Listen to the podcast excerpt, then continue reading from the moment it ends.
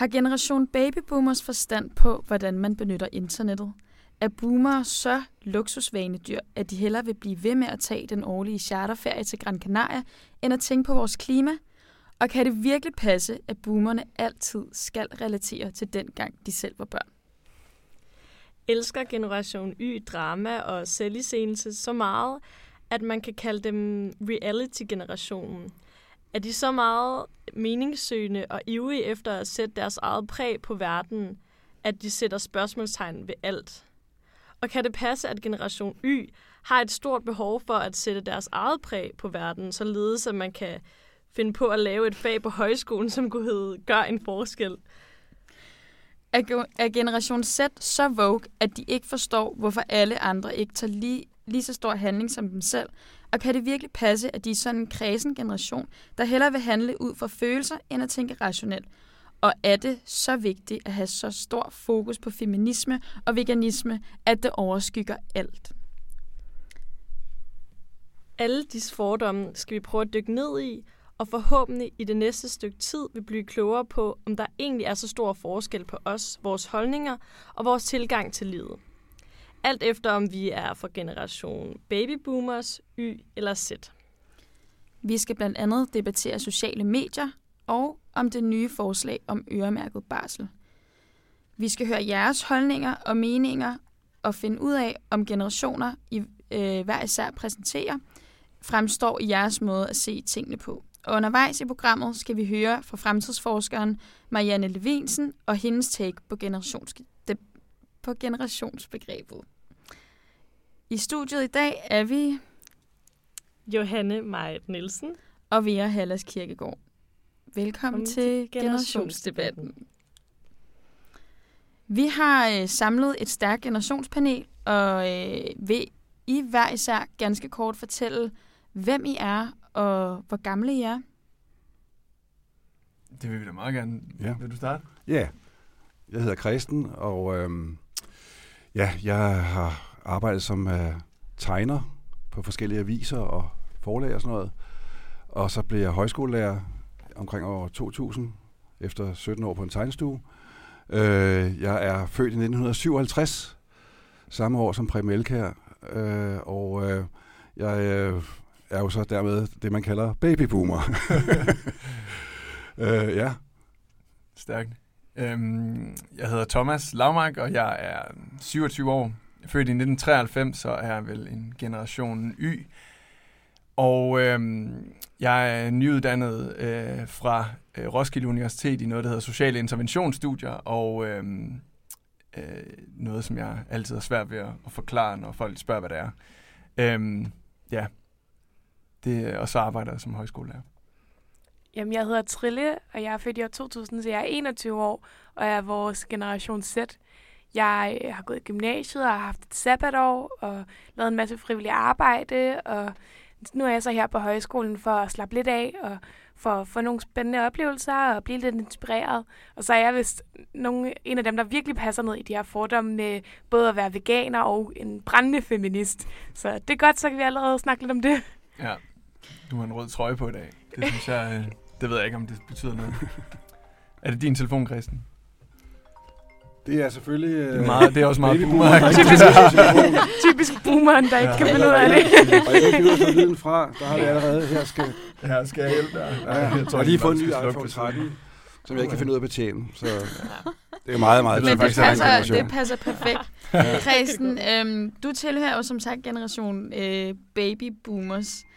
Øh, kan du fortælle lidt om, om de fordomme, du møder om din generation? Dem, jeg møder, ja. Ja. Ja. Altså for eksempel, at øh, det er jo os, der har øh, svinet hele jorden til med øh, forurening af al den produktion, der har været igennem mit liv. Og øh, det er jo også rigtigt. Øh, så måske er det en fordom. Øh, men vi er så også en generation, der på den anden side har sørget for, at der ikke er atomkraft i Danmark, for eksempel. Mm. Øh, så det er jo sådan en ting, jeg synes, man godt kunne nuancere lidt. Øh, men øh, jo, altså det der med, at vi, vi har forbrugt helt vildt, øh, min generation, øh, og fløjet rundt i verden. Det skal så siges, at det har været en udvikling fra, at da jeg var ung, øh, der var det så dyrt at flyve, så man fløj stort set aldrig som ung. Øh, modsat visse andre generationer. Øh, og øh, øh, så blev det så efterhånden billigt, og så fløj vi også helt vildt. Og har jo dermed sagt sat et kæmpe CO2-aftryk på verden. Så, så de fordomme, du, du møder om din generation, vil, vil du sige, at de passer? Øh, ja, det vil jeg faktisk sige. Har du nogle fordomme om de andre, andre generationer, som er repræsenteret i panelet i dag? Altså det vil sige generation Y, som Thomas tilhører, og generation Z, som Trille tilhører? Altså ja, det har jeg da. Øh, men jeg er også godt klar over, at det er øh, fordomme. Men selvfølgelig har jeg nogle, nogle tendenser til at synes, at, at uh, Thomas' generation øh, er meget sådan performative og gør op i sig, sig selv som performative øh, personer. Øh, og det kan man godt grine lidt af en gang imellem, når man ser underholdningstv, øh, som, som er fra min generation. Og øh, ja, og, og den unge Trilles generation, der kan man også have nogle gange den opfattelse af, at det er jo sådan nogle meget navlebeskuende identitetsproblemer, som man går op i, hvor man tænker, hey, sker der ikke større ting i verden, der er lidt mere alvorlige? Den fordom kan jeg godt have. Ja, mm. og nu må man jo sige, at øh, du tager øh, præsidenten for, for alderen her i lokalet. Vildt sagt. Så jeg synes, det kunne være øh, interessant at høre, hvilke forskelle du har lagt mærke til ved de unge nu til dags, øh, altså generation Z og den gruppe unge, øh, eller generation Y, undskyld, øh, og den gruppe unge, som er på højskolen i dag. Altså, vil, kan du se en forskel mellem generation Y og generation Z? Du har vel været underviser her på skolen i forholdsvis lang tid, at ja. du har set to generationer. Ja, ja. Har du, har du kunne mærke en forskel på den tid, du har været på skolen? Ja, altså, men, altså det, det er jo svært at generalisere selvfølgelig, men der er måske noget med, at generation Y, altså Thomas generation, der har de været lidt mere sådan øh, øh, optaget af ja, altså at optræde og finde roller i medierne og sådan nogle ting, som er også hænger sammen med noget en form for materialistisk glæde, mm. ved, måske, og meget optaget af at øh, flashe deres øh, mærkevarer og sådan nogle ting. Hvor jeg faktisk synes, at den næste generation, Trilles generation, der er de lidt mere... Øh, de begynder at gå lidt mere til værk som, som, hvordan finder man sin identitet. Og det er jo også både der, hvor man kan have fordomme, men også, jeg synes også, det er noget positivt. Øh, på, på en lidt mere sådan hardcore måde, som jeg faktisk synes er interessant. Ja. Ja, og øhm, Thomas, du tilhører jo generation Y, også kaldet millennials. Øhm, og oplever du nogle fordomme for din generation, og synes du, at det er nogle fordomme, som, som passer? Mm jeg synes, det er rart at høre et andet menneske sætte, uh, sætte ord på nogle af de fordomme om min generation, fordi at, jeg synes, når man hører ordet millennials, at det, øh, man kan hurtigt blive i tvivl om, hvad, hvem der tilhører den øh, gruppe eller den generation. Øhm, og jeg synes også nogle gange, at, at vi kan være en måske en generation, der er fanget lidt imellem nogle, nogle øh, stridigheder mellem nogle andre generationer. Øhm, i forhold til måske at være mere øh, kompromissøgende, eller være mere, øhm, altså netop ikke være lige så, øhm, altså ikke at tage ting helt lige så meget op til debat måske, øh, eller til diskussion, som jeg nogle gange kan opleve øh, øh, generation Z at gøre. Øhm, og, øh, men ja, fordomme, øh, jeg, jeg vil øh, helt sikkert øh, gentage noget af det, du siger, Christen, med at være meget performativ også meget selvbevidste på en eller anden måde, fordi at vi er en generation, som, øh, som er vokset op på et tidspunkt, hvor det at, at gøre sig selv på sociale medier, eller øh, også se, øh, se mennesket afspejlet i reality-tv, at det helt sikkert har sat en, altså har, har virket rigtig meget i forhold til, hvordan man øh, gør sig selv som menneske. Øhm, og det kan jeg også godt mærke på mig selv, at et enormt selvbevidst øh, menneske. Ja. ja. Øh, og Trille, du tilhører jo Generation Z. Oplever du fordom om din generation. Nu kan man jo høre, øh, det var meget interessant at høre os, jer tre generationer være samlet, fordi du får dem jo også lidt serveret. Øh, men synes du, at de passer nogle af de ting, der, der bliver nævnt om din generation? Jeg vil sige, jeg kan godt se det her med, at der er nogen, der kan blive lidt overrasket over, at vi går meget mere op i identiteter, for eksempel. Øhm, og jeg synes især den fordom, jeg møder det her med, at man kalder det navlepilleri, hvor at jeg vil jo sige, at det er en måde at acceptere alle mennesker, og en måde at skabe øh, meget sådan bedre kommunikation i verden ved, at man går ind og diskuterer og sætter spørgsmålstegn ved, kan vi putte alle ned i to firkantede bokse. Øhm, og jeg synes også tit, at, at jeg møder, at, at folk kan blive sådan lidt overrasket over, at man kan føle sig stærkt for miljø, eller at man kan føle sig stærkt for øh, feminisme, eller at, at man kan føle sig stærk for, at det er så vigtigt at sætte spørgsmålstegn ved, om, om man er mand eller kvinde, eller alt derimellem. Øh, der, hvor jeg mest møder fordomme, er måske i virkeligheden i møde med mine egne forældre, når vi skal sidde og diskutere de her ting. Fordi der synes jeg virkelig, at jeg kan mærke, at mine forældre de er fra samme generation som dig, Kristen. Mm. Og der synes jeg virkelig nogle gange, jeg kan mærke den her mangel på forståelse af, og den ringer igen. Det er min jeg ikke kan styre. Typisk for min generation. jeg synes virkelig, når jeg snakker med mine forældre om nogle af de her ting, at de kan have svært ved at forstå, hvorfor jeg går så meget op i identitet, for eksempel. Øhm, det tror jeg, at ja, jeg mærker det mest. Ja. Er, er det noget, du sådan kan, kan genkende til? Altså, at øh, du måske øh, kan have lidt sværere ved at sætte dig ind i de her ting, som betyder meget for øh, Trilles generation?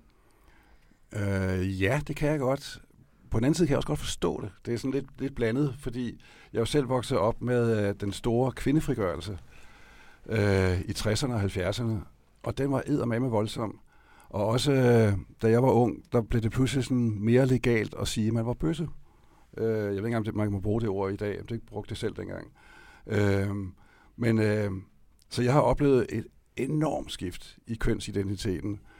Og øh, nu for at forsvare min generation lidt, så kan det måske være, at vi har oplevet noget, som var så stort et skifte, at vi synes, at jeres er navlepilleri. Og det, jeg ved godt, det er tosset at sige, det er navlepilleri, men i, når vi tænker på, hvad vi har været igennem, så tænker vi, ah, jeres er jo ingenting. Og det ved jeg godt, det er en uh, tåbelig fordom. Øh, men det kan måske forklare lidt, hvorfor. Fordi hvis man begynder at fortælle om, hvordan det var, da jeg var lille, altså, det var sådan, at Altså bøsser, det var unævnligt og noget skidt at være, sagde de voksne. Altså almindelige voksne sagde det. Men øh, Kristen, du glemmer jo også, at, at nu kan det være enormt unævnligt at være trans, for eksempel. Ja. Øhm, og det kan være enormt unævnligt at være non-binær. Det kan være sådan noget, som folk har virkelig svært ved at forstå, og, og hvor der bliver gået bag om ryggen, eller folk nægter at gå ind på de her øh, præmisser, som, som en transkønnet kan have, for eksempel, som jo er helt almindelige for at normalt menneske burde bare acceptere. Hvis, hvis der kommer ind og siger, at mine pronomer er han, ham, så skal man acceptere det, men det er der rigtig mange, der oplever, at det vil folk simpelthen ikke, øh, at det bliver ignoreret, eller at det bliver set ned på, og der er jo transkønnede, der simpelthen får tæsk, når de går på gaden. Så på den måde, så vil jeg sige, at det på ingen måde er navlepilleri, fordi det er jo det samme med, om man har været homoseksuel i 70'erne. Der kunne man også få tæsk for at være homoseksuel. Ja. Øh, og man kan sådan set stadigvæk få tæsk for at være homoseksuel mange steder i Danmark. Ja, ja. Jamen altså, jamen det, det, altså, det er også derfor, at jeg ligesom øh, alligevel har respekt for jeres kampe. Øh, og det er jo, altså, det ligner jo på nogle punkter de, de kampe, vi førte dengang. Men øh, nogle gange så føler man så også, fordi man taler et sprog, som er gammeldags, eller har nogle ja, oplevelser og opfattelser, som er gammeldags, at man selv bliver øh, sat i firkantede kasser af de nye. Altså, Øh, altså på den måde, at man, man er en gammel hvid mand, for eksempel, ikke? Så, man, så har man ikke ret til at sige noget. Den, den følelse kan man godt have, og så tænker man, okay, nå, jamen, så bruger de jo samme metode at sætte folk i kasser. Øh, og derfor kan man så måske få sådan en lille øh, ja, ting ved at tænke, åh, øh, det er sådan lidt navlepilleri-agtigt. Men alligevel vil jeg give dig ret, at det er jo rigtigt nok, hvad du siger. At, at hvad hedder det, at øh, de nye øh, kønsidentiteter bliver jo også øh, diskrimineret helt vildt. Så ja, det er sgu rigtigt nok, at den kamp, vi fører, det, det det jeg så tilstå. Mm. Det, det er det virkelig. Men vi skal bare lige sådan, vi skal lige være med, og, eller, eller vi, vi, er langsomme om at forstå det, fordi vi har været igennem nogle andre kampe. Du rammer ned i noget, som jeg har tænkt rigtig meget over i forbindelse med um, hashtag MeToo, hvor Ja. at der jo, man ser jo, at der er nogle mænd, som bliver enormt sådan støtte og vrede over det. Og jeg har en teori om, at noget af det, det går helt ned i, at, at nogle mænd kan blive enormt bange for, hvad er det rigtige at gøre. Og den her mangel på forståelse for, okay, men hvordan skal jeg så lægge an på en kvinde? Øhm, det leder til, at man bare bliver sur og vred og frustreret. Ej, jeg bliver virkelig afbrudt. Kan vi ikke- kan tage den ud? ja, Det er godt, der kommer lige telefonen en, skal forlade lokalet. over og fikser det. Ja. IT-teknikeren. Ja. Øhm, Ja. Og jeg tror, at det her med mangel på forståelse, det leder til enormt meget konflikt. Og i, i virkeligheden, så kan jeg også godt tænke nogle gange, at det handler om mangel på kommunikation mellem vores generationer. At der simpelthen mangler det her med, at der sætter sig en ned over for en, som er fra en, en boomer-generation, og så forklare, okay, hvad betyder det, at, at man kan være andre former for køn? Og hvad betyder det, at vi skal gå op i de her pronomener? Ja, Mm. mm. det kan jeg... Nå, Hvis, ja, altså, hvis jeg lige må bryde, bryde ind Ja. her, for jeg har, jeg har selv en, en oplevelse af igen, og så øh, helt sikkert være fanget midt i en konflikt på en eller anden måde, som, som tit også kan styre lidt væk fra min generation. Heldigvis så behøver jeg ikke nødvendigvis at komme og give min stemme til kende, fordi jeg hverken er boomer eller, eller øh, hvad hedder det, generation sætter. Så på den måde bliver jeg ikke også, at der er folk fra din generation, der har, har lyst til at skifte køn, eller Uden som tvivl, ikke men det, det, i er, de det, det, siger, det er bare, at heldigvis står jeg ikke for skud på den måde, at jeg skal forsvare, hvad jeg synes på grund af min generation. Det, det er på en eller anden måde taknemmelig for, at, at så kan jeg få lov til ligesom at, at, at gå ned i min skyttegrav og ikke at, at behøve at blande mig for meget. Men øh, noget af det, jeg også kan opleve, det er, at, at når at jeg ser den her kamp mellem generation Z'er og, og, og boomer, at så er det også tit med sådan en præmis på forhånd af, at mange af de ting, som generation Z'erne kommer med, øh, er øh, noget, som, som, øh, som boomerne bare skal forstå, eller sådan generation Z'erne mangler måske at øh, se sig både forstået af, af boomer i forhold til, at de ting, de siger, er på en eller anden måde en, en ny øh, sandfærdighed eller en ny øh, tilstand, som vi, som vi må se i øjnene, at det er sådan, det er. Det gælder både, når vi taler om klimakrisen, men det gælder også øh, især i forhold til øh, nyere forståelser af, øh, hvordan vi gør vores køn, og nyere forståelser af, øh, hvad er det, vi også ser som, som rettigheder som mennesker, fordi at vi på kloden er blevet mere privilegeret, så vi rent faktisk kan sige, at noget er en, en menneskeret, som vi ikke kunne for, for 30 eller 50 år siden. Øh, og der tror jeg bare, at, at det kan være virkelig svært nogle gange også at nå til enighed, fordi at, øh, hvad nu hvis man som boomer faktisk er uenig? Altså, hvad nu, hvad nu hvis der er nogle ting i, i den her nye tilstand i verden, som man måske ikke er enig i, så kan det i hvert fald være rigtig svært at sige det. Øhm, Mm. Fordi at, at så ender det med en eller anden form for mundhuggeri. Øhm, fordi at, at sætterne gerne vil øh, se sig forstået af boomerne, og øh, boomerne føler sig måske også lidt talt over hovedet nogle gange, fordi at, at I er bare boomere. Ja. Eller sådan, jeg, jeg ved ikke, om, om det giver mening. Jo, men altså, for eksempel, jeg kan tage et eksempel, hvor man, altså, man, man nogle gange har man lyst til at nuancere tingene lidt, ikke? Og der, der kan man føle nogle gange, at, at, at det er forkert. Men for eksempel sådan noget med kønsskifte, nu, når, vi lige, når du nævnte det, at jeg forstår godt, at der er nogen, altså, eller, at, ja, selvfølgelig skal man acceptere, at, hvad, altså, at folk bestemmer deres køn og sådan noget selv.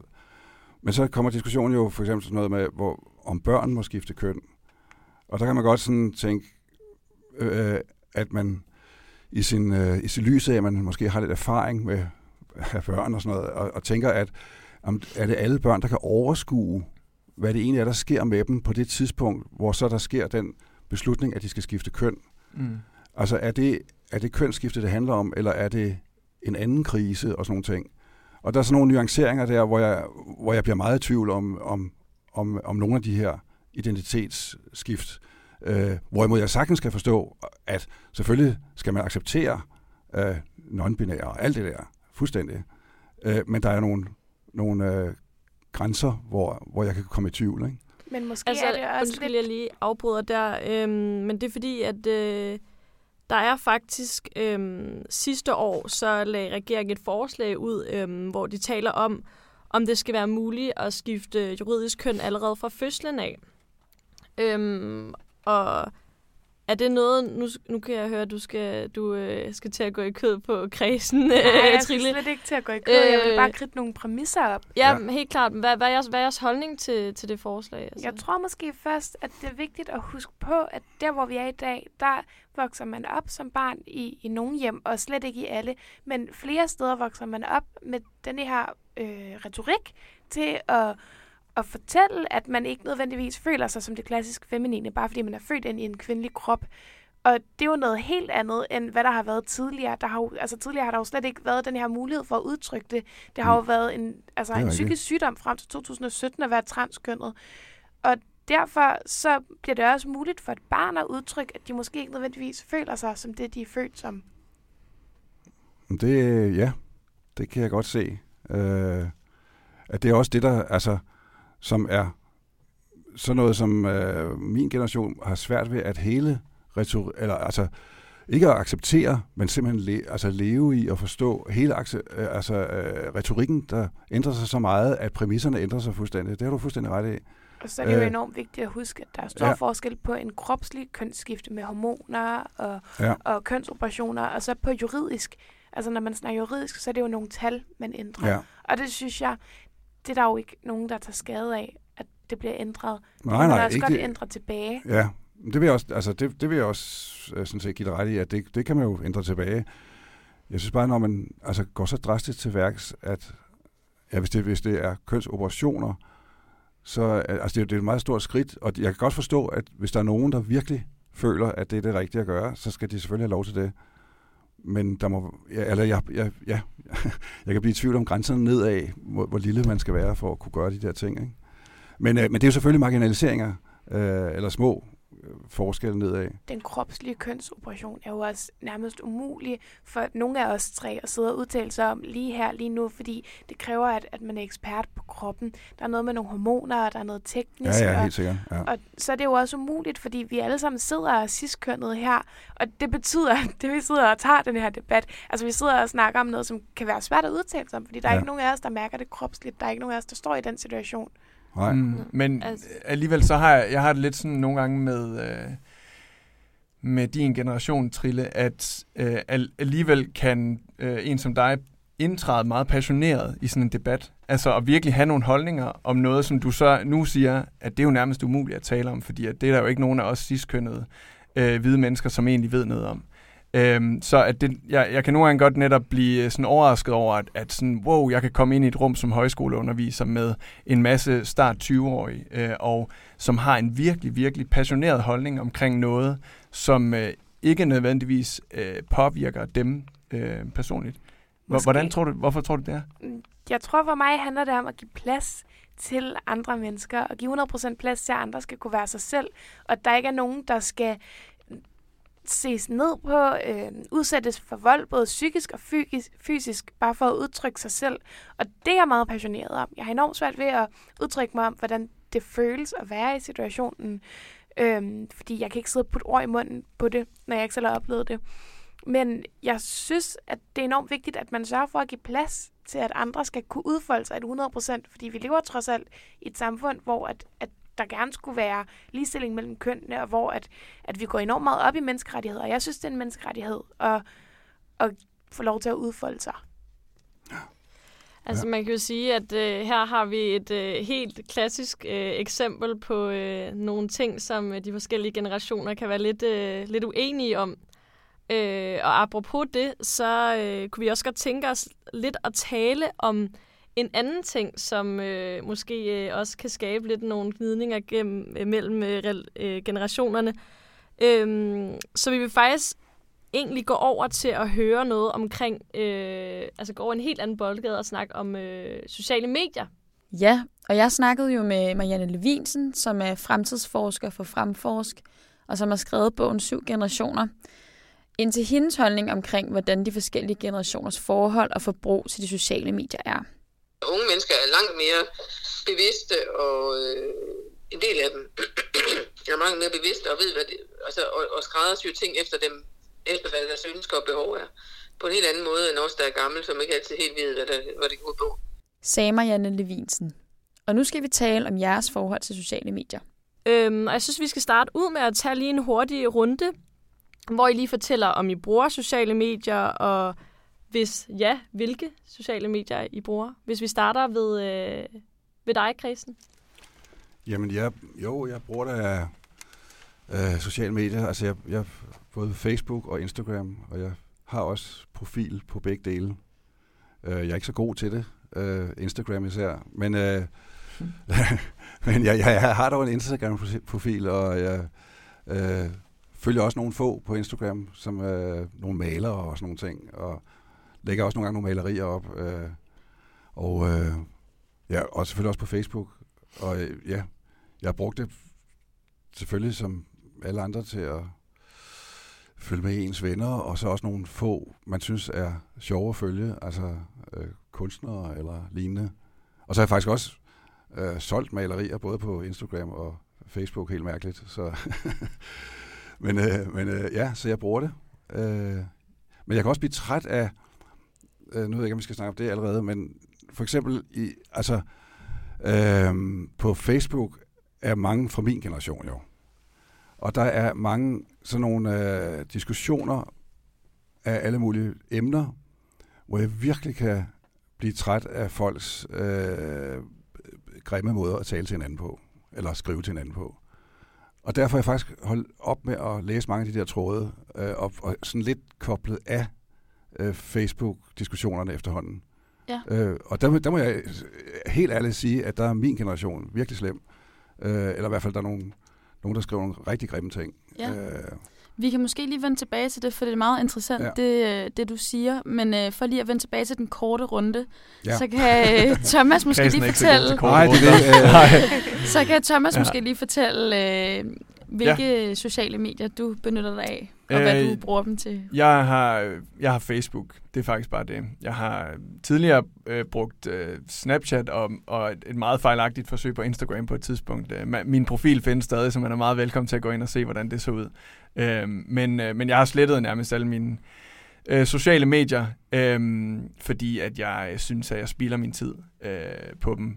Og øh, jeg vil sige, i forhold, til, i forhold til Facebook, der synes jeg heller ikke, øh, jeg er ikke så social på det sociale medie. Altså jeg, for, ligesom dig, heller, heller ikke sådan, jeg, jeg deltager heller ikke særlig meget. Jeg synes, det er et forfærdeligt medie i forhold til det der med at kunne, rent faktisk kunne deltage i noget socialt.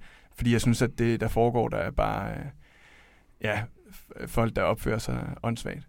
Øhm, ja, det tror jeg, det er mig. Ja, hvad med dig, Trille? Jamen, altså, jeg har jo Facebook og Twitter og Instagram og Snapchat. Og Snapchat, det bruger jeg ikke ret meget, men, men jeg er på det. Og Twitter, det er også, der går jeg ind og følger nogle politikere læser lidt med og kommenterer noget en gang imellem, men ret sjældent. Og Facebook, det er primært til at organisere.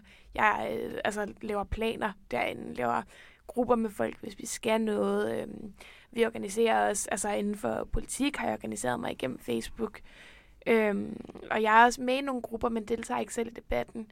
Og Instagram, der er jeg selv meget aktiv.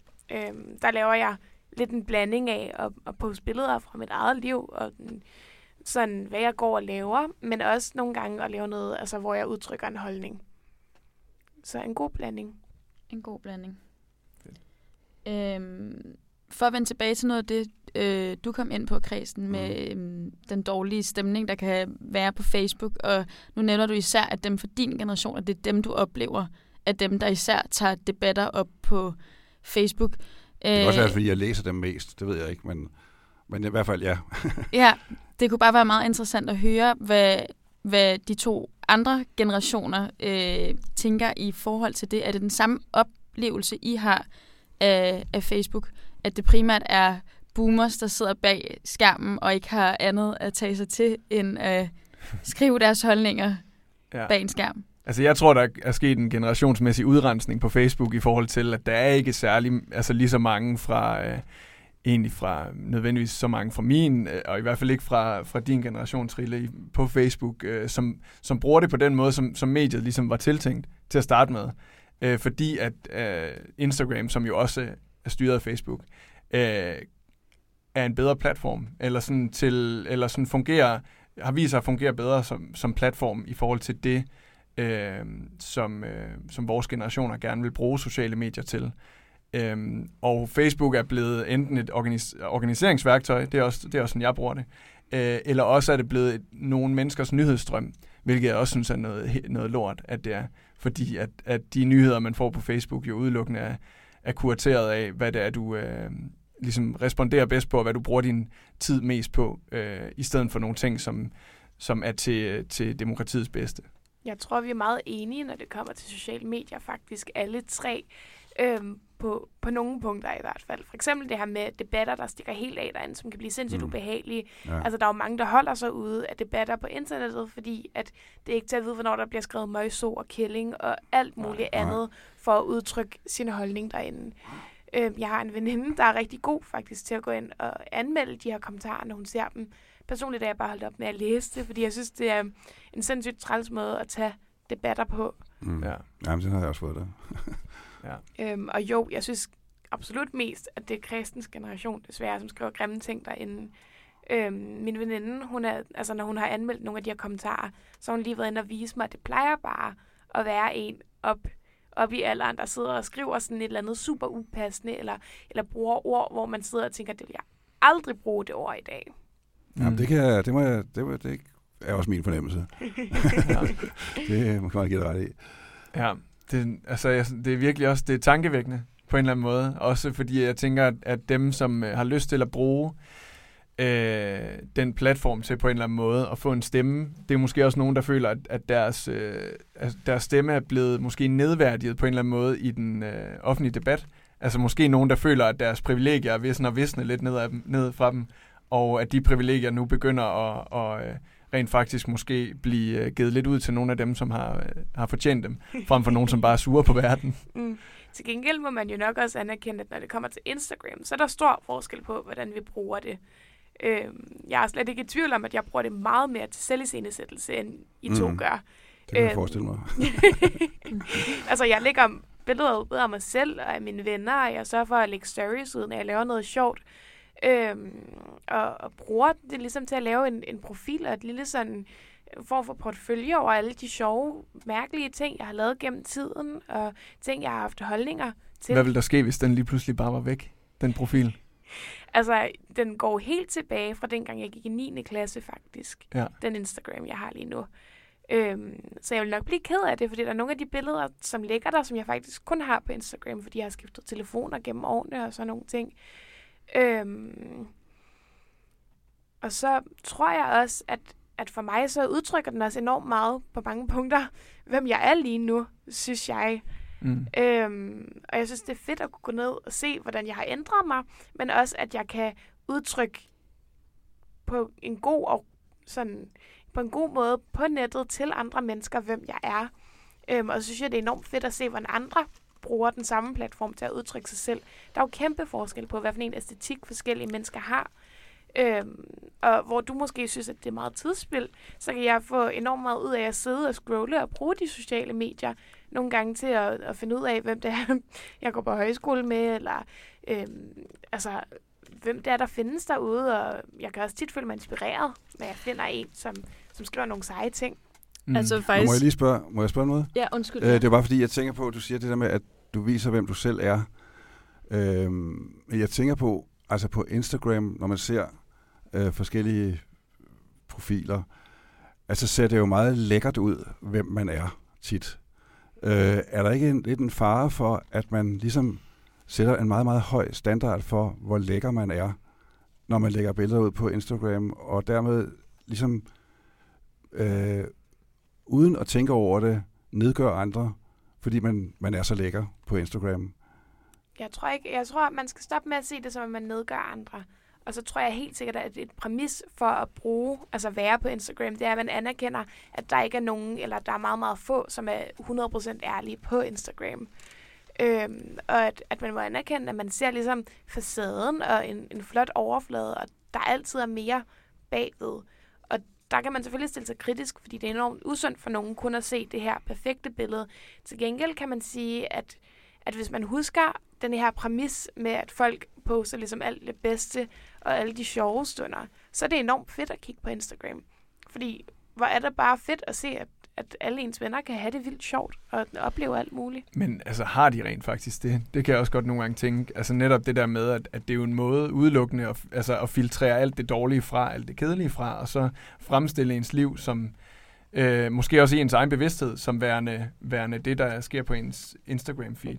Eller er det en måde at vise de sjove tidspunkter? Der er jo ikke nogen, der siger, at, at dit liv ikke kan være nederen en gang imellem, eller at der ikke kan ske rigtig træls ting for dig, selvom du ligesom fremhæver de sjove øjeblikke. Det er jo ligesom, når jeg tager billeder og laver et fotoalbum til derhjemme, så er det jo også de, de sjove stunder, jeg fanger.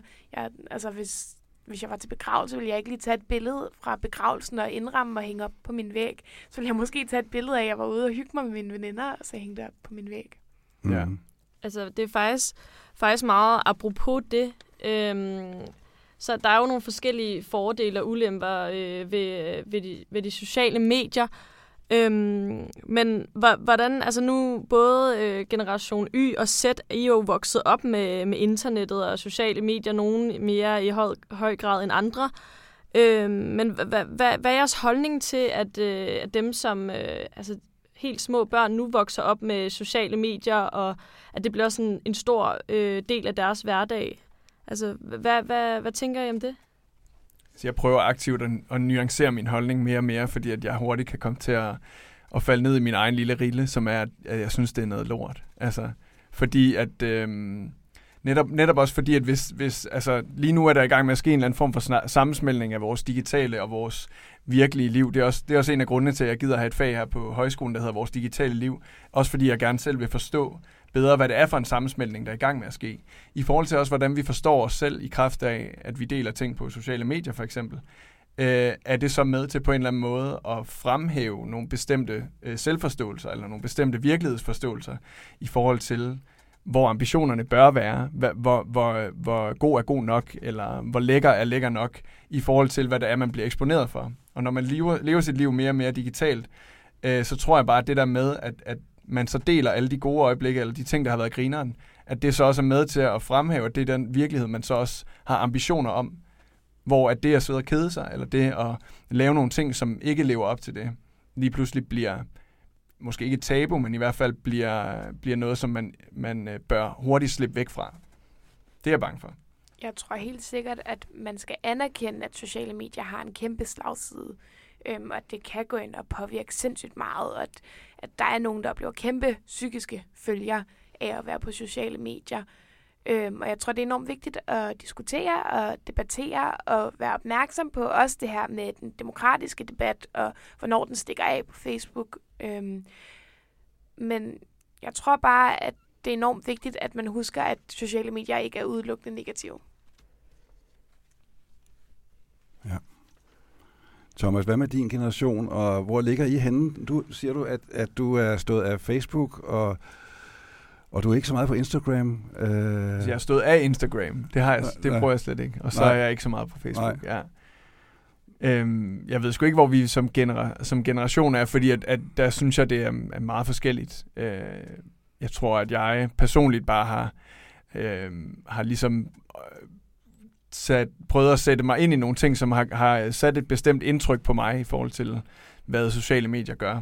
Altså, altså, det er noget, jeg også har beskæftiget mig meget med, både på mit studie og, og så også nu som øh, højskolelærer. Så jeg tror også, det er nogle ting, der faktisk betyder ret meget for mig, det her med, øh, hvad, hvad er det for, altså, hvad er det den digitale verden, eller hvad er det det digitale liv på en eller anden måde sætter i gang hos os?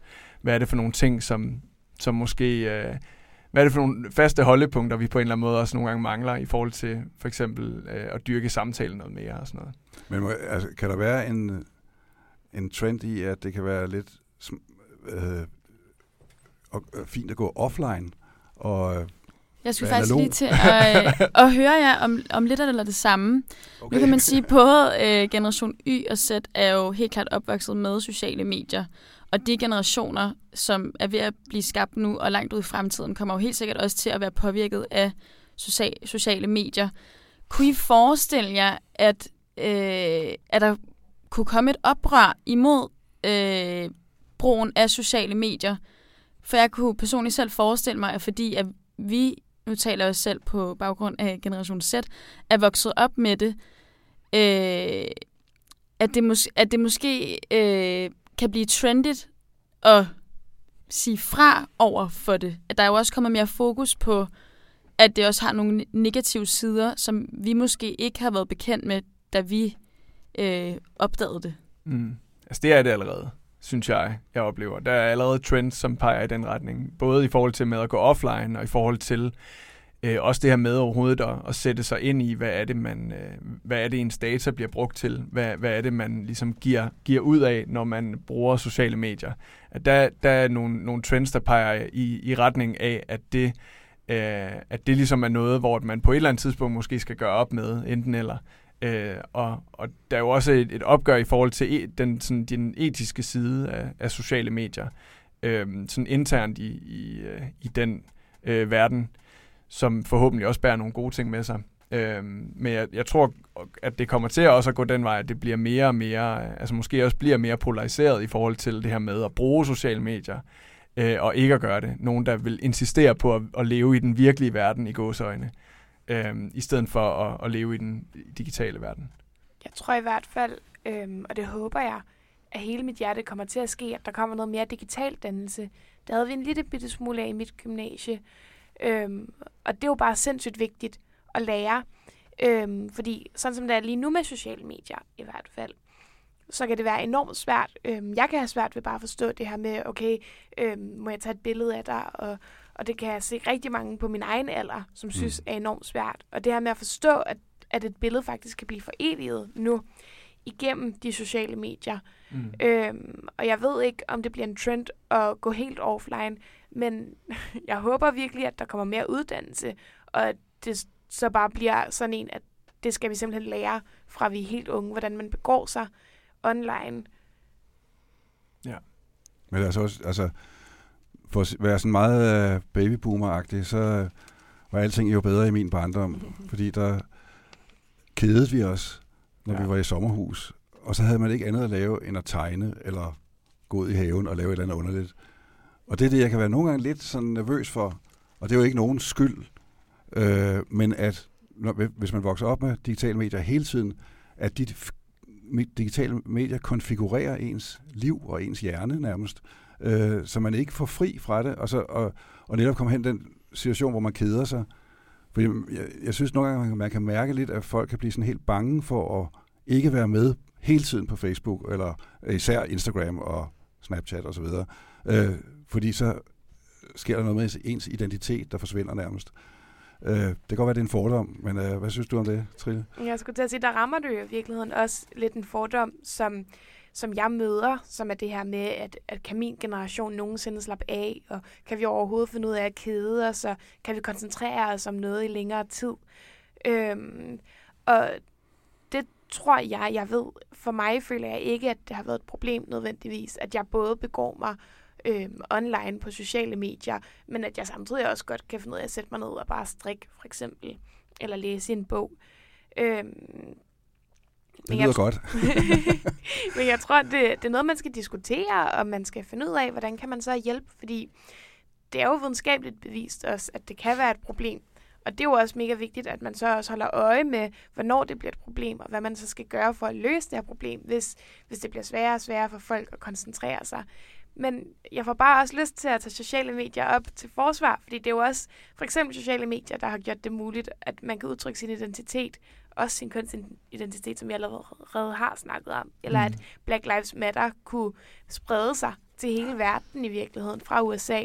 Så på den måde så har det også bragt sindssygt meget med, når det kommer til at kæmpe for retfærdighed.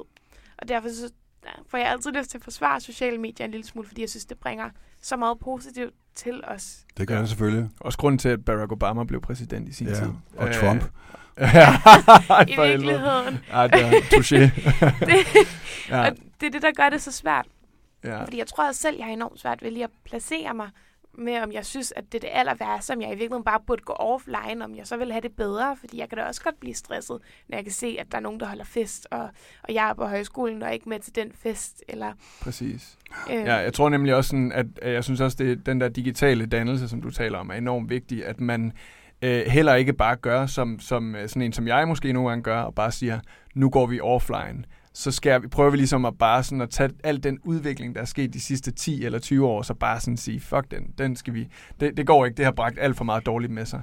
Men i stedet for også ligesom anerkende, at vi kan, vi kan prøve at finde ud af, hvad er det for, for nogle forskellige øh, funktioner ved øh, den måde, digitale medier er designet på, som gør, at vi begynder at blive øh, måske øh, få mere og mere tankemøller, eller føler stresset, eller blive deprimeret. Alle de her forskellige diagnoser, man kan sætte på, hvad sociale medier er med til at gøre ved os. Jeg synes, når jeg taler med rigtig mange forskellige højskoleelever på den her årgang, jeg har talt med overraskende mange, der beskriver nogle af de ting, de går og sysler med, som værende tankemøller. Altså sådan, det er en ting, der går igen. Øh, og det tror jeg 100% er øh, blandt andet er øh, sociale medier og den måde smartphones er designet på, som er med til at skabe øh, tankemøller hos os, som er med til at gøre, at vi ikke på et tidspunkt i løbet af dagen har lyst til bare at sætte os ned og ikke beskæftige os med at skulle planlægge, hvad der skal ske lige om lidt, eller tænke på, hvad der skal ske om en uge, eller være bange for, om vi ikke er gode nok til at lave den undervisning, som vi skal lave i morgen, eller hvad det nu måtte være. Men rent faktisk bare kan sætte sig ned og tænke, lige nu er der ikke noget at lave. Lige nu er der slet ikke noget, jeg skal. Jeg, jeg behøver ikke noget som helst. Jeg har ikke FOMO, eller jeg har ikke noget. Jeg kan bare sidde og slappe lidt af og kede mig. Altså, det, det er bare ikke en følelse, der lige sådan kommer så let. Øh, og det, det, øh, det synes jeg, vi skal blive opmærksom på. Ja, fordi altså, apropos det, kan man sige, at der er, øh, der er jo markant flere øh, unge, som øh, har fået psykiske sygdomme, og hvor at øh, sociale medier virkelig har påvirket dem i, i den forkerte retning. Øh, også hvis man helt klart sammenligner det med øh, kredsens øh, generation. Men altså, nu siger du, Trille, at du kan godt finde ud af at, ligesom, at trække dig og ligesom, tage en pause for de her ting, men... Øh, Tror du ikke, at, det, tror du ikke, at der er nogen, der, der kunne have svært ved det? Altså, at det, det virkelig kan have en, en, en form for negativ... Øh... Helt sikkert. Og jeg vil også, altså, jeg vil ikke kunne få mig selv til at slette mine sociale medier. Det vil jeg jo nok altså, stå ved. At jeg kunne ikke forestille mig ikke at være på de sociale medier. Det vil jeg bare synes var helt umuligt. Øhm, så du har heller aldrig prøvet andet. Nej, det, det er jo den forskel det. på vores generationer, ikke? Som, ja. at, altså, som vi jo ikke, ingen af os kan gøre for. Til gengæld så tror jeg, at det, der kunne få mig til at trække mig helt fra sociale medier, det vil faktisk være et opgør med den magt, som de her store tech-firmaer har fået. Fordi det synes jeg er det allermest uhyggelige ved sociale medier. Øhm, og denne her indflydelse, som det har på vores liv, også det her med psykiske sygdomme. Øhm, det værste er i virkeligheden, hvor meget de kan styre vores tanker, øhm, og hvor meget de kan tjene penge på øh, at styre vores tanker, men også hvor meget de kan påvirke valg, for eksempel. Øh, og det er sådan noget, og det er måske, fordi jeg er lidt en, en generation Z, der har lyst til at gøre oprør og, og gøre en masse øh, nyt og stille spørgsmålstegn ved. Men det er virkelig sådan noget, det kunne jeg godt gå på gaden og demonstrere imod. Øh, og, altså, ja. Ja. Øh, og lad os slu- slutte af på, øh, på dette. Øh, det har været rigtig interessant at høre fra alle tre. Øhm, men vi kunne godt lige her til slut tænke os at høre, øh, om der er noget, der har overrasket jer ved den her debat, vi har haft i dag. Har de fordomme, som I måske kom med, øh, holdt stik? Eller er der noget, der har overrasket jer? Altså, jeg ved ikke, det overrasker mig. Nå, Nej, nu men, øh, men øh, altså, jeg synes egentlig, øh, Trille bare gentog noget, som jeg tit må tænke over. Det der med, at måden, man taler om det på, har ændret sig, og derfor så også opfattelsen ændrer sig en lille smule. Og derfor kan man nogle gange misforstå hinanden, fordi man næsten taler, ikke et helt forskelligt sprog, men altså, man bruger lidt forskellige betydninger og, lidt, og taler lidt forskelligt. Og det er fuldstændig rigtigt. Altså, øh, det er også, ja, det oplever jeg som et skift i mit liv, at man taler anderledes, og det er sindssygt godt og interessant. Men nogle gange kan det være svært at følge med. Ja. Ja. Jeg synes, at jeg, har, altså, kan, jeg kan mærke på en eller anden måde, at sproget har fået meget mere magt i forhold til, hvad det har haft tidligere. Og øh, at lige pludselig den måde, vi øh, i tale sætter ting, og øh, ja, at de ord, vi siger, de diskurser, vi ligesom lægger ud, at de betyder meget mere, og øh, det kan gøre det rigtig svært nogle gange også at have en samtale. Fordi at bare det at tage et ord som bøsse i munden, øh, som, som øh, du gjorde i starten af udsendelsen her, at der kan man sidde øh, og tænke, må jeg egentlig, må jeg egentlig gøre det? Øh, og der, der jeg, øh, kan jeg nogle gange både være, være glad for, at man øh, tør gøre det, fordi at det er det, der også kan stoppe debatten, det er, hvis, hvis, hvis man ligesom ikke engang tør åbne sin mund af frygt for, at der er nogen, der øh, kommer hen og leger sprogpoliti. Øh, samtidig med, at man jo også må anerkende, at det har en magt i forhold til at reproducere nogle, nogle øh, menneskesyn, som bare er totalt forældet. Så ja, det tror jeg bare, det, det kan jeg bare mærke, når vi sidder i den her diskussion, at det, det er det, der fylder ret meget for mig, den måde, vi sådan Mm. bruger sproget på. Man kan sige nu, altså der var mange ting, vi kunne blive forholdsvis enige om i virkeligheden, når vi satte os ned og snakkede om det. Og måske er det ikke så mærkeligt i forhold til, at vi alle sammen mødtes igennem en højskole. øhm, så det gør jo Ja. noget for, at, at man ligner hinanden lidt, og der vil være mere plads til forståelse, end hvis jeg havde siddet og, og snakket med en fra et, et parti, der var helt modsat mig. Eller, altså, der er jo rigtig meget, der gør, at, at vi i virkeligheden måske ligner hinanden. Øhm, på den anden side, så kan man sige, at, at kristen i hvert fald også på nogle punkter øh, bekræftede nogle af de sådan, fordomme, jeg havde i forhold til hans, hans indstilling til tingene, men det må gerne gå lidt langsommere, og det er svært at forstå. Det hører jeg jo også fra, fra mine forældre, for eksempel. Mm. Øh, og det vil jeg enormt gerne huske at forstå, men det kan jo også være mega frustrerende sådan, som ung at skulle sætte sig ned og bruge lang tid på at forklare noget, som er så fundamentale rettigheder for ens egen generation. Yes. Til slut vil vi bare sige uh, tusind tak, fordi I gad at medvirke i vores generationsdebat, og tak til jer, der lyttede med. Selv tak.